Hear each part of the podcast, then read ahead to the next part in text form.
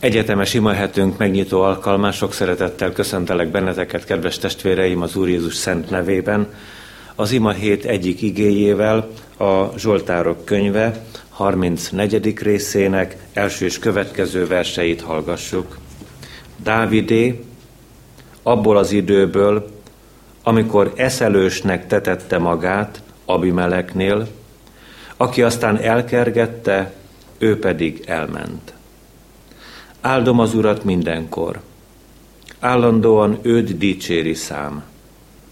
Az Úrral dicsekszik lelkem, hallják ezt az alázatosak, és örülnek. Hirdessétek velem az Úr nagyságát, magasztaljuk együtt az ő nevét. Az Úrhoz folyamodtam, és ő meghallgatott, megmentett mindattól, amitől rettegtem. Örömre derülnek, kik rátekintenek, nem pirul az arcuk. Kiáltott a nyomorult, az Úr meghallgatta, és minden bajából kiszabadította. Az Úr angyala őrt áll az Istenfélők mellett, és megmenti őket. Érezzétek, és lássátok, hogy jó az Úr.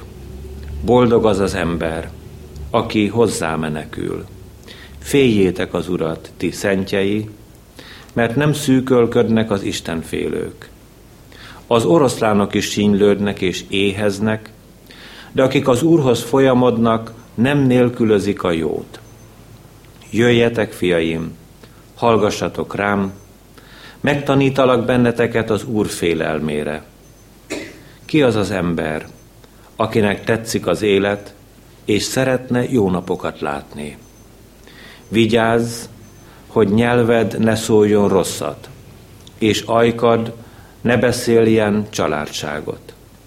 Hagy fel a rosszal, és cselekedj jót, törekedj békességre, és kövesd azt.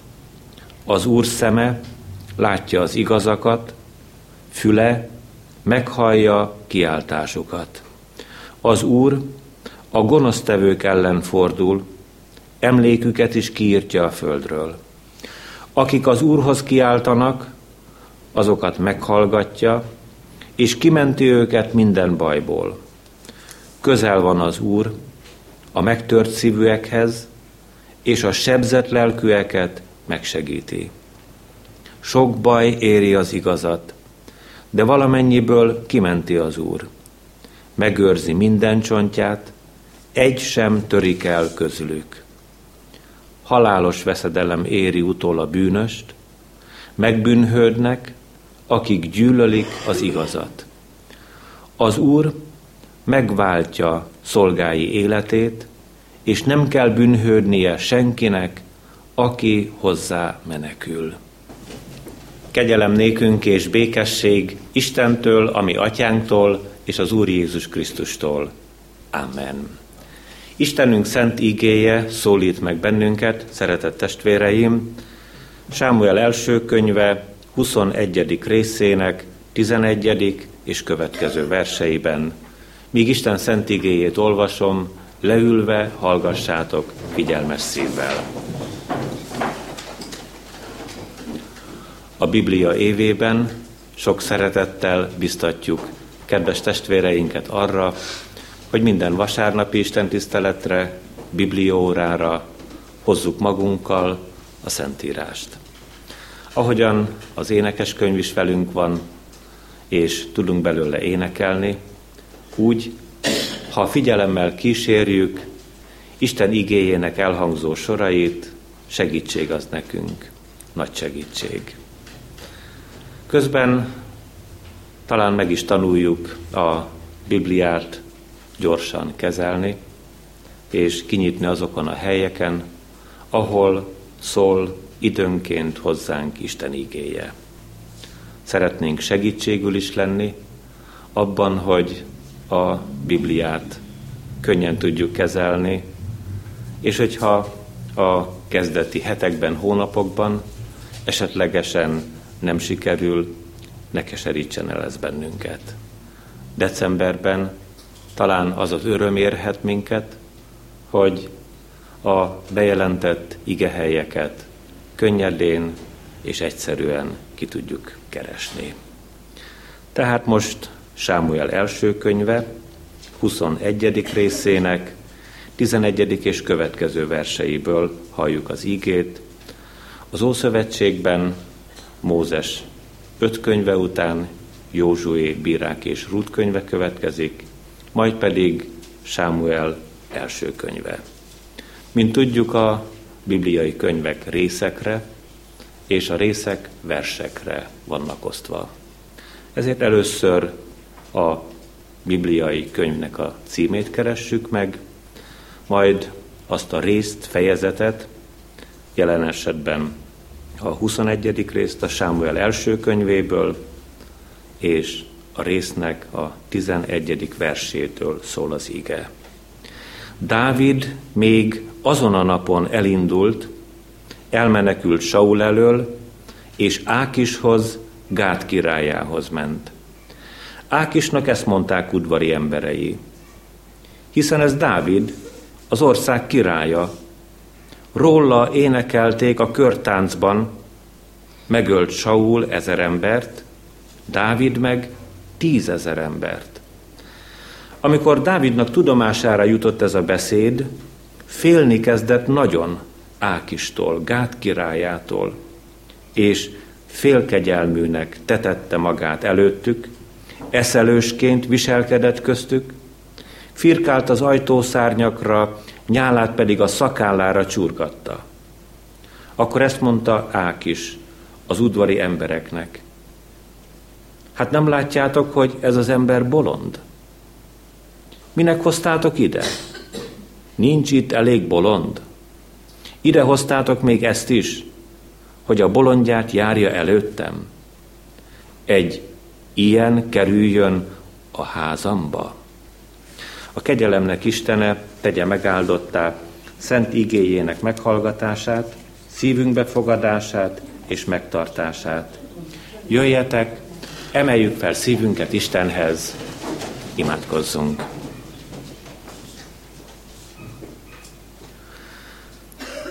Dicsőséges Atyánk, örökkévaló Szent Istenünk, hálaadással borulunk le előtted, hogy azokból a körülményekből, azokból a helyzetekből érkezhettünk meg Te hozzád, amilyenekben vagyunk. Volt a mi szívünkben vágy, hogy eltitkoljuk előled is, mindazt, ami ott van a szívünkben legbelül, de Te pontosan ismered a mi lefekvésünket és felkelésünket, és még a gondolataink is nyitva vannak Te előtted. Ezért most mi hozzád jövünk, amint vagyunk. És kérünk is arra, hogy ne ítélj meg bennünket, ami bűneink szerint, hanem a Te fiadnak, az Úr Jézus Krisztusnak keresztjére tekints, ahol ő szabadulást szerzett minnyájunk számára, akik ő hozzá tartozunk. Áldott légy, hogy erre az ige hallgatásra megtartottál, hogy most vehetjük a te szent lelkednek erőjét és vigasztalását. Bátoríts meg szívünket, hogy örömmel tudjunk figyelni a te szavadra, és legyen a számunkra életnek beszéde. Légy itt velünk, irgalmaz nekünk, hallgass meg minket. Amen. Istenünk szent igéje szólít meg bennünket a Zsoltárok könyve 34. részének 23. versében. A Zsoltárok könyve az Ószövetségben, az Ószövetségnek körülbelül a közepén található, Jobb könyve után. Hallgassuk tehát a Zsoltárok könyve 34. részének 23. versét.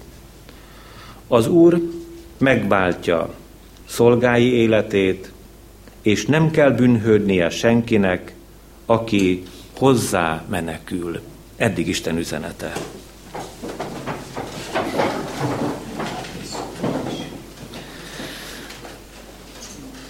Szeretett gyülekezet, kedves testvéreim! A mai napon három gondolat lesz előttünk. Először a bűneink miatti bűnhődésről. Másodszor pedig az ember meneküléséről szólunk. Harmadszor pedig afelől gondolkodunk, hogy bár menekül az ember, de egy bizonyos, különleges, csodálatos helyzetben mégsem bűnhődik. A Zsoltárok könyve drága gondolatai mögött élő történetek vannak, emberi életrajzok írattak meg. És most meglátjuk ebben a Zsoltárban két királynak félelmetes küzdelmét. Mind a két király a választott nép élén van, egyiket Saulnak, a másikat Dávidnak hívják. Saul még a hivatalban levő király, Dávid pedig a királyság várományosa, de egy idegen szomszédos országban, annak egyik városában, Gátban, Ákis királynak az alatvalói úgy beszélnek Dávidról, mint Izrael királyáról. Sault már elhagyta az Isten, Dávidot pedig kiválasztotta.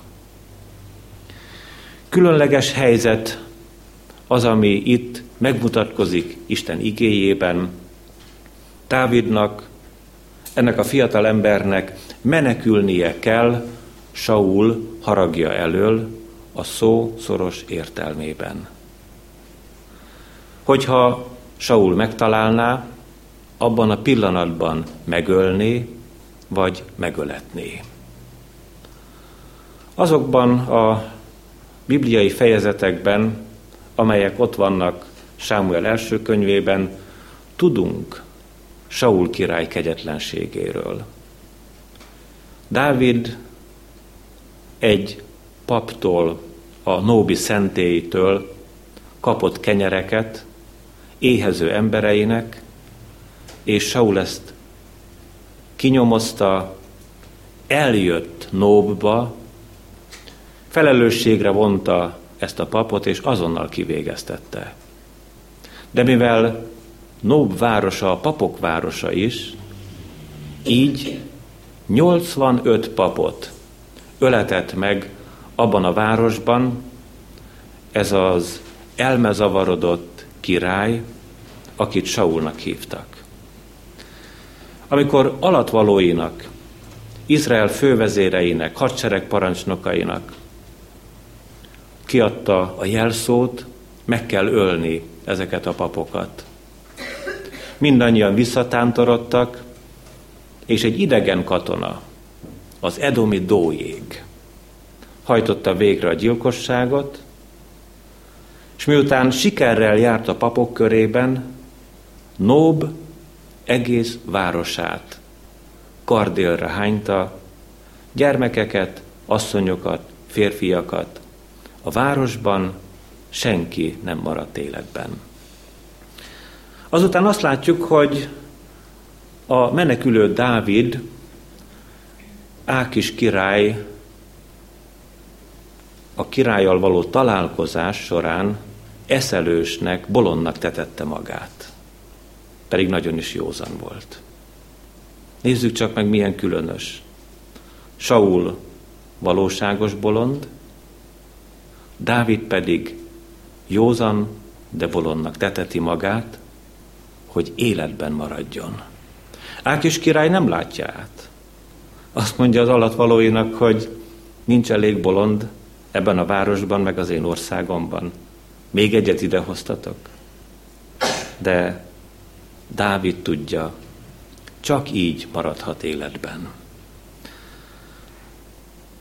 Szeretett testvéreim, hosszú és sokféle történeti hátteret mondhatnánk el. Saul és Dávid párharcából, amíg aztán Saul király, ez az elmezavarodott ember, önkezével vett véget életének, a filiszteusok ellen vívott csatában, Dávid pedig az Isten választotja, 33 éven át, plusz 7 évig, 40 éven keresztül lesz Izrael királya. Miután ilyen dióhéjban végig tekintettük ennek a két embernek a harcát, nézzük csak meg az ő élettörténetükön keresztül, de nyilvánvalóan Isten igéjén át, mit is üzen nekünk Isten szent lelke ma élőknek. Vajon eme kíméletlen harcok nem kísérik é a mi életünket? Vajon nem találhatók-e meg a mai magyar környezetben ugyanezek a vívódások, élet-halál kérdések? Az első gondolatban arról szóltunk hát Isten igéjében, hogy a bűnös ember bűnei miatt bűnhődik. Vajon kire igaz ez a megállapítás?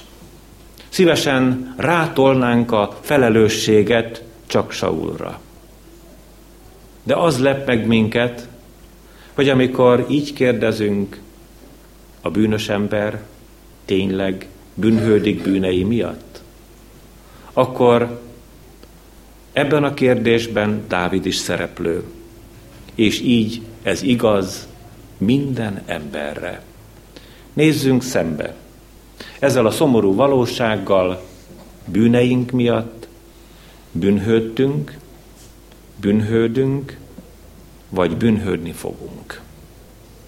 Ha esetlegesen most éppen az Úr kegyelme és szeretete ragyog ránk, és úgy érezzük, hogy bár a bűn megvan bennünk, de még nem ért utol bennünket a büntetés, akkor számíthatunk rá. Van egy kérdés, ami mindannyiunkat életünknek valamilyen pontján foglalkoztatott. Így szoktunk kérdezni, miért büntet az Isten? Lehet, hogy ma éppen ebben a percben vagyunk itt, vagy vannak itt néhányan a testvérek közül, akiknek ez nem kérdés. Mert most nem büntet az Isten. De amikor kórházi ágyra szögezett, amikor a halál mesdjéjén jártunk, vagy amikor testünkben teljesen egészségesek voltunk, de a lelkünk végtelenül fájt, kisemmizetnek, megalázottnak, megvetetnek, elutasítottnak. Éreztük magunkat, akkor is bizony kérdeztük, miért büntet az Isten? Rövid a válaszunk, mert szeret. Van egy ilyen énekünk is, amelyiknek ez az egyik sora, azt bünteti, kit szeret. És nagyon megrázó, elgondolkoztató, hogy Isten, mivel az egész emberiséget egy vérből teremtette, minden embert szeret. Ugyan büntette Ádámot, amikor kiküldte az édenkertből, de szerette. Büntette Kaint, testvérgyilkos volt ez az ember, de hogyan végig kísérte az útját, és megjelölte egy bélyeggel, hogy senki agyon ne üsse a gyilkos Kaint, ebből azt a jelzést vesszük, hogy az Isten Kaint szerette. És szerette Jóbot is. És vajon büntette? Igen. Súlyosan büntette az igaz Jóbot olyan mérhetetlen mélységeket hozott az ő életébe, hogy részleteit sem bírnánk ki egykönnyen mi magunk. Aztán kérdezzük azt, hogy szerette volna mindkét Heródest. És az a rövid válaszunk, hogy szerette. Mert pozícióban hagyta őket, királyi vagy király részi uralmat adott ezeknek az embereknek. És büntette mindkét Heródest? Igen. Szerette volna keresztelő Jánost a mindenható? Nagyon. Hiszen már a születések körülményei is csodálatosak. És büntette keresztelő Jánost. Ott volt a börtönben, annak a másik Heródesnek a börtönében, és olyan halállal halt meg ez az ember, ami nem méltó senkihez. Levágták a fejét, és Heródiás táncáért egy tálon mutatták be Heródesnek. Miután láttuk, kedves testvéreim, hogy a bűnös ember bűnei miatt bűnhődik, és ez minden emberre igaz, ne kérdezzük, miért büntet az Isten, hanem tegyünk fel egy másik kérdést. Hogyan viszonyuljunk Istenhez a büntetéseink idején? Keressünk rá bibliai válaszokat. Hogyan viszonyultak a nagyok? Ádám történetesen, amikor a büntetés súlya közeledik, úgy olvasjuk az ígében, hogy elrejtőzött Isten elől. Kainról azt halljuk az ígében, hogy lecsüggesztette a fejét. Saulról, mint említettük is, el kell mondanunk, hogy öngyilkos lett. És mi történt Jobbal? Jobb, kedves testvéreim, Istennel szemben is, innen látjuk, hogy bűnös ember, kitartott az igaza mellett, de kitartott Isten mellett is. Honnan tudjuk? Azt mondta Jobbnak a felesége, hogy te Jobb, átkozz meg az Istent, és haj meg. Első hallásra, látásra igaza volt ennek az asszonynak. Azt a szörnyűséget, azt a fájdalmat, azt a nyomorúságot látni, amiben volt jobb, hát attól, szeretett testvéreim, jobb a halál. Nekünk ismerős fogalom ez a kegyes halál, erre most nem térünk ki, de jobb felesége valami ilyesmit javasolt a nagy szenvedőnek. Jobbnak viszont az volt a válasza, hogy te is csak úgy beszélsz, mint egy a bolondok közül. Ha jót elvettük az Isten kezéből, a rosszat miért ne vennénk el? Azután nem csak Jobbra figyelhetünk oda, hanem Dávidra is, aki életének egyik tragikus mélypontján az Istenhez való viszonyulásában mélységes bűnbánatot tart, és így imádkozik, teremts bennem tiszta szívet, ó Isten, és az erős lelket újíts meg bennem. Gondolkodhatnánk Dáviddal együtt úgy, úgy, hogy igyekszem én, Uram, egy kicsit a dolgokat korrigálni, javítani, helyrehozni. Majd én bedobom az emberi erőimet, de Dávid tudja, hogy ahhoz, hogy ő más ember legyen, a Teremtő Istennek, a Teremtő akaratára van szüksége. Teremts bennem tiszta szívet. Aztán nézhetjük az egyik Heródest, aki az Istenhez való viszonyulásában mérhetetlen haraggal és gyűlölettel közeledik Jézus Krisztus felé. A másik Heródes pedig a mámorba menekül. Keresztelő János mélységesen szenved. De amikor Isten felől gondolkodik, akkor egy kérdést, egy tisztázó kérdést tesz fel az Úr Jézus Krisztusnak. Elküldi onnan a börtönből a tanítványait, és azt mondja keresztelő János, a tanítványain keresztül Jézus Krisztusnak, hogy te vagy az eljövendő, vagy mást várjunk. Ebben a kérdésben benne van az, hogy Uram, ha tényleg te vagy az eljövendő, akkor teljesen mindegy hogy én életben maradok, vagy meghalok, mert hozzád megyek. De ha nem te vagy az eljövendő, akkor itt valami nagy baj van. Vívódik ez az ember. Nem régen még rámutatott az Úr Jézus Krisztusra, és azt mondta, hogy Ím az Istennek báránya, aki hordozza a világ bűnét. És most bizonytalan. És most hitében az összeomlásnak a határán van. Milyen nagy boldogság volt hallani keresztelő Jánosnak az Úr Jézus válaszát. Mondjátok meg Jánosnak. A némák beszélnek, a süketek hallanak, a sánták járnak, a halottak feltámadnak, a vakok szemei megnyílnak, és boldog az, aki én bennem meg nem botránkozik.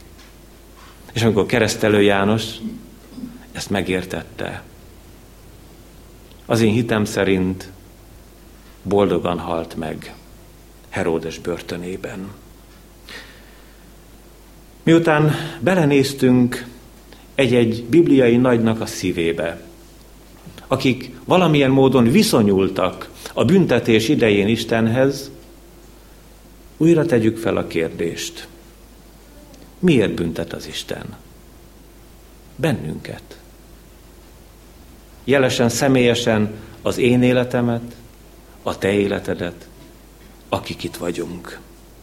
Azért, kedves testvéreim, mert nem csak szeret, hanem fel akarja kínálni a kegyelem lehetőségét.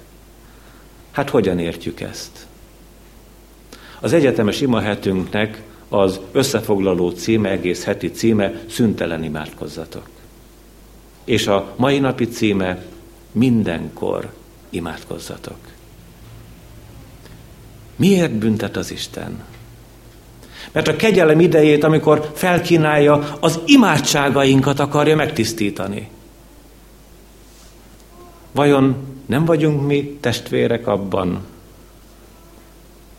mindannyian, hogy amikor végtelen mélységben, rendkívüli fájdalomban, élet-halál harcainkat vívjuk, akkor, kedves testvéreim, tudunk imádkozni. Nem a tanult imádságainkat, nem tanítottak bennünket ezekre az imádságokra, hanem egyszerre csak a szívünkből ömlik a szó Isten felé. Hát ezért, ezért büntet az Isten. Hogy kihozza a szívünk mélyéből az imádságnak a gyöngyszemeit. Hogy végre igazán tudjunk imádkozni. Mert tegnap is a gyerekek elmondták, én Istenem, jó Istenem, becsukódik már a szemem ételünket, italunkat megköszöntük, ebédnél, vacsoránál, elmormoltunk valamilyen imádságot reggel vagy este lefekvéskor, de a szívünkből fakadt. De a szívünk mélyéből törtek elő ezek a szavak. Nem valamilyen gépies, mechanikus imamalom volt, amit mi éltünk, gyakoroltunk tegnap, a múlt héten, bármikor. De hogyha ott vagyunk a műtét előtt. Ugye, hogy nem kell sem a lelkipásztornak, sem a szomszédnak, sem a hívő testvérnek tanítani minket arra, hogy hogyan imádkozzunk. Fakadnak a szívünkből. Mert szeret az Isten. Mert a kegyelmét kínálja nekünk. Mert meg akar menteni az örök életre. Nem válnak időlegessé az imádságaink nem válnak megfakultá, nem szennyeződnek be, nem kellene leporolni, megtisztítani, nem kellene megfényesíteni.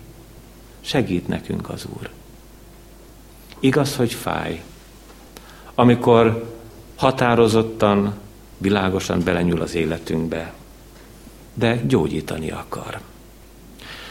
Az ige második gondolatában arról beszélünk, hogy a bűnös ember a bűnei miatt menekül. Itt is szeretnénk segítségül kérni egy bibliai példát, egy személyt, akinek az életében, szolgálatában meglátjuk ezt a menekülő valóságot. Isten szolgálja egy nagyon gyarló predikátor, aki mégis kiválóan hirdette az ígét, mert egy város megtért az ő bizonyságtételére, Jónás lesz előttünk. Jónás háromféleképpen is menekült. Menekült Isten elől, menekült az emberek elől, és menekült a saját lelkiismerete elől. Először is menekül Isten elől. Az Úr Ninivébe küldi, ő Tárzizba megy. Lesz ennek eredménye a hal gyomra. Mindannyiunkkal megtörténhet. Az Úr, a mindenható Isten megbíz bennünket egy feladattal, egy szolgálattal. Nem feltétlenül igehirdetés, és nem feltétlenül a gyülekezetben való forgolódás. Lehet, hogy Jézus Krisztus beszéde szerint egy pohár víznek az átadása csupán. Ha mi menekülünk, akkor mi is. Ha nem szó szerint jutunk a halnak a gyomrába, de megértjük, hogy Isten nem mástól várja, hanem mi tőlünk várja. Azt, amivel ő megbízott. Nem jó menekülnünk, mert kiderül ebben az esetben rólunk, hogy mint Jónás, mi magunk is bűnös emberek vagyunk. És a bűneink miatt menekülünk Isten elől. Egyet komolyan vehetünk, hogy Isten elől nem lehet elmenekülni. Keze utolér, mélységben, magasságban, örömben, bánatban, gazdagságban, szegénységben, emberi dicsőség legmagasabb fokán és legszörnyűbb mélységben. Isten utolér. Azután menekül Jónás az emberek elől is. Mégpedig úgy menekül, hogy felszáll a hajóra, amelyik Tárzizba megy, és azon mód lemegy a hajónak az aljára aludni. Ővele ne foglalkozzanak az emberek. Őt ne kérdezgessék. Az ő életében ne kutakodjanak. Őt ne vizsgálgassák. Ismerős állapot ez, szeretett testvéreim, hogy amikor ami bűneink szörnyű állapotával küzdünk, akkor van egy ilyen vágy a mi szívünkben, hogy csak az emberek meg ne tudják. Hogy csak az emberek ne véleményezzék hogy mi majd magunkban ezt elrendezzük, megoldjuk. Se Isten, se ember ne szóljon bele abba a helyzetbe, amiben vagyunk. Így érezte magát, félálomban.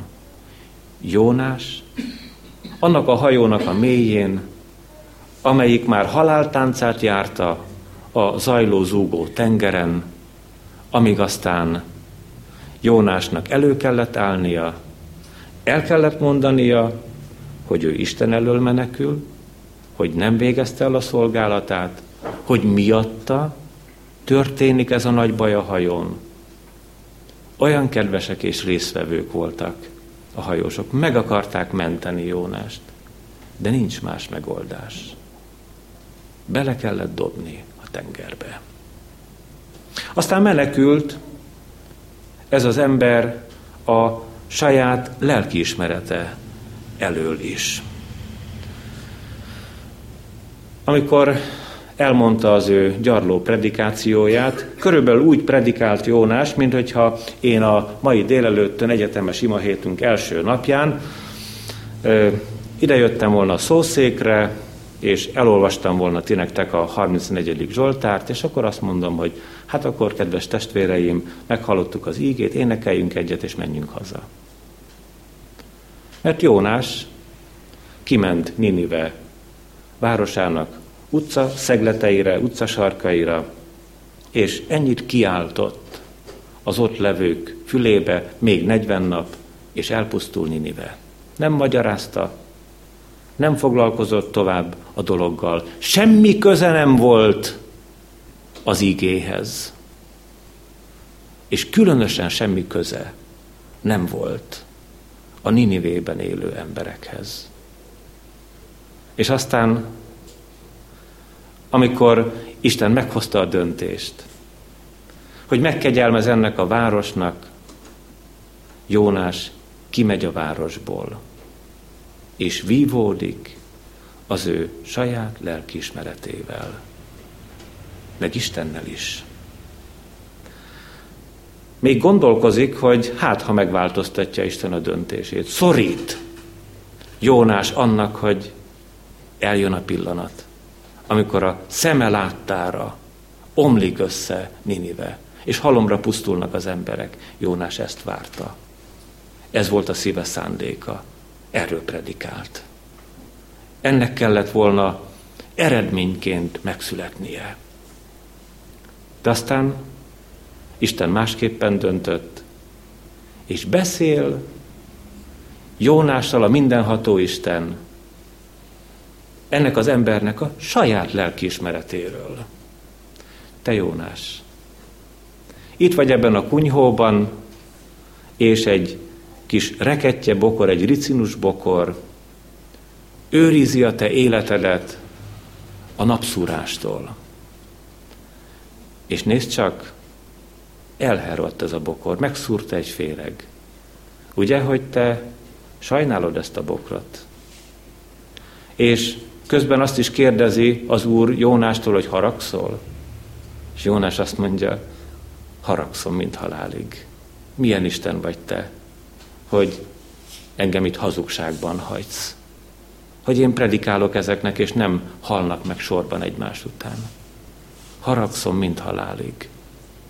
Hát te sajnálod azt a kis bokrocskát, amit nem te ültettél, nem te neveltél, felfutott és elszáradt egy nap alatt. Én ne sajnáljam, azt a 120 ezer embert, akik nem tudnak különbséget tenni jobb és bal kezük között. Lelkiismeretünkkel is beszél az Isten, ha már mi nem tudunk. Pedig hányszor történik meg velünk, hogy amikor nem terhel le a munkánk, szeretnénk pihenni, megszólal a lelkiismeretünk. Vagy ne talán, ha bőségesebb vacsorát fogyasztunk el, és éjszaka három órakor felébredünk, de jó volna öt percen belül visszaaludni. És beszélget velünk a lelkiismeretünk. És aztán gyógyít az Isten. Újra ad álmot a szemünkre, újra ad békességet a szívünkbe. Megmagyarázza, hogy mi miért történik, Azért, mert a bűnös ember a bűnei miatt menekül. Menekül ő előle, Isten elől, aki szereti. Menekül az ember elől, akik között némelyik szereti, némelyik gyűlöli. És menekül önmaga elől is az ember, mert sokszor gyűlöli és utálja önmagát, holott az ember kétségtelenül önmagát szereti a legjobban. És végezetül az ige utolsó gondolata, hadd legyen előttünk. A megváltott ember menekül, de nem bűnhődik. Nézzük meg pontosan, hogy hogy van leírva ez az igében. Az Úr megváltja szolgái életét. És nem kell bűnhődnie senkinek, aki hozzá menekül. Kedves testvéreim, lehet Isten elől menekülni, és lehet az Úrhoz menekülni. Magát a menekülés tényét nem spórolhatjuk meg. Vagy előle, vagy hozzá. És nagyon nagy dolog történik itt. Mert aki hozzá menekül, arról azt olvassuk az igében, hogy nem bűnhődik. Egyébként meg kell mondjam, akár magamra, akár tirejátok nézve, kedves testvéreim, ha nem az Úrhoz menekülünk, számítsunk rá, hogy bűnhődni fogunk. Súlyosan. De ha az Úrhoz menekülünk, akkor azt mondja a Zsoltáros Dávid, hogy nem bűnhődünk. Meg lehet találni azt a pontot. Dávid király, mint az Úr Jézus Krisztusnak az előképe, a megváltóról beszél. Jézus Krisztusnak a keresztje az a pont. Ahova, ha mi elérkezünk, megszűnik a sátánnak a hatóereje. Megszűnik a másik ember gonoszsága. És bár sokféle módon ki vagyunk téve mindenféle emberi intrikának, problémának, nyomorúságnak, küzdelemnek, de Jézus Krisztus keresztje. Az onnan aláhulló vér elégséges arra, hogy eltörölje a bűneinket, nem bűnhődünk. Meg vagyunk mentve az örök életre. Ez nagyon nagy dolog, testvéreim. Mert emberi példákkal szeretném alátámasztani. 1956 végén és 1957 elején. Aki hegyes halomnál átlépte az osztrák határt, az megmentett ember volt. Akit innen elfogtak, azt vagy börtönbe zárták, vagy kivégezték. A történelembe bevonuló Nagy Imre a jugoszláv követségre menekült, de onnan valahogy kikerült ebből a védelemből. És a vége halál lett. Nem értékítélet ez, mert Nagy Imre a maga nemében hős volt. Csak nem jó helyen. Hogyha hegyes halmon túl lett volna, akkor természetes halállal hal meg. És szeretett testvéreim, kereshetnénk bőségesen olyan emberi példákat, amikor egy-egy embernek az élete talán métereken függött. Ajánlom kedves testvéreim figyelmébe, hirtelen a szerző nevét nem tudom mondani, ezt a könyvet, aminek ez a címe Lányom nélkül soha. Mi szerint egy keresztjén fiatal nő férhez ment egy moszlim, muzulmán vallású iszlám emberhez, született egy gyermekük, és a férfi úgy döntött, hogy ki kell menniük Iránba. Ez a fiatal keresztjén nő ott döbbent rá, hogy milyen félelmetes helyzetbe került. És egyszer eldöntötte, hogy ő felszámolja ezt az állapotot. És az iráni török határon csikorgó téli hidegben hegytetőn át vezette valaki, és őt pedig forró nyomon keresték. És amikor átlépte a török határt, akkor felszabadult a szíve.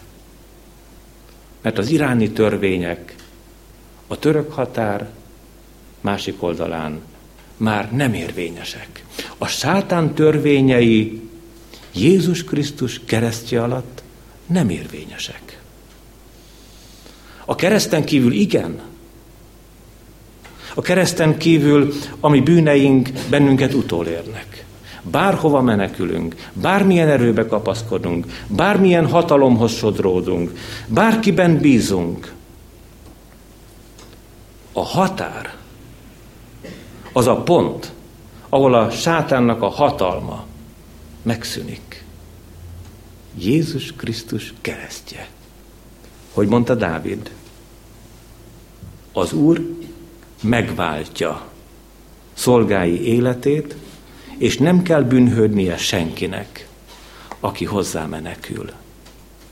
Értsük jól az ígét. Szeressük szívünkből az Úr Jézus Krisztust. Legyünk megmentett, örök életre rendelt emberek. Ő megteheti velünk. Amen. Drága jó Urunk, édesatyánk, örökkévaló Szent Istenünk, imádunk és magasztalunk téged, hogy a mennyei tanács végzésben földre küldted egyszülött fiadat, és kijelölted azt a helyet, ahol a mi emberi életünknek sors problémái, rendkívüli mélységei, súlyos és nehéz bűnei megoldódnak, feledésbe mennek, ahol eltöröl minden bűnt a te egyszülött fiadnak aláhulló kiömlő vére. Köszönjük néked, atyánk, Jézus Krisztust. Köszönjük, hogy elégséges az ő áldozata. Azért kérünk téged, tedd világossá, személyesen számunkra is, hogy indulnunk kell ő hozzá.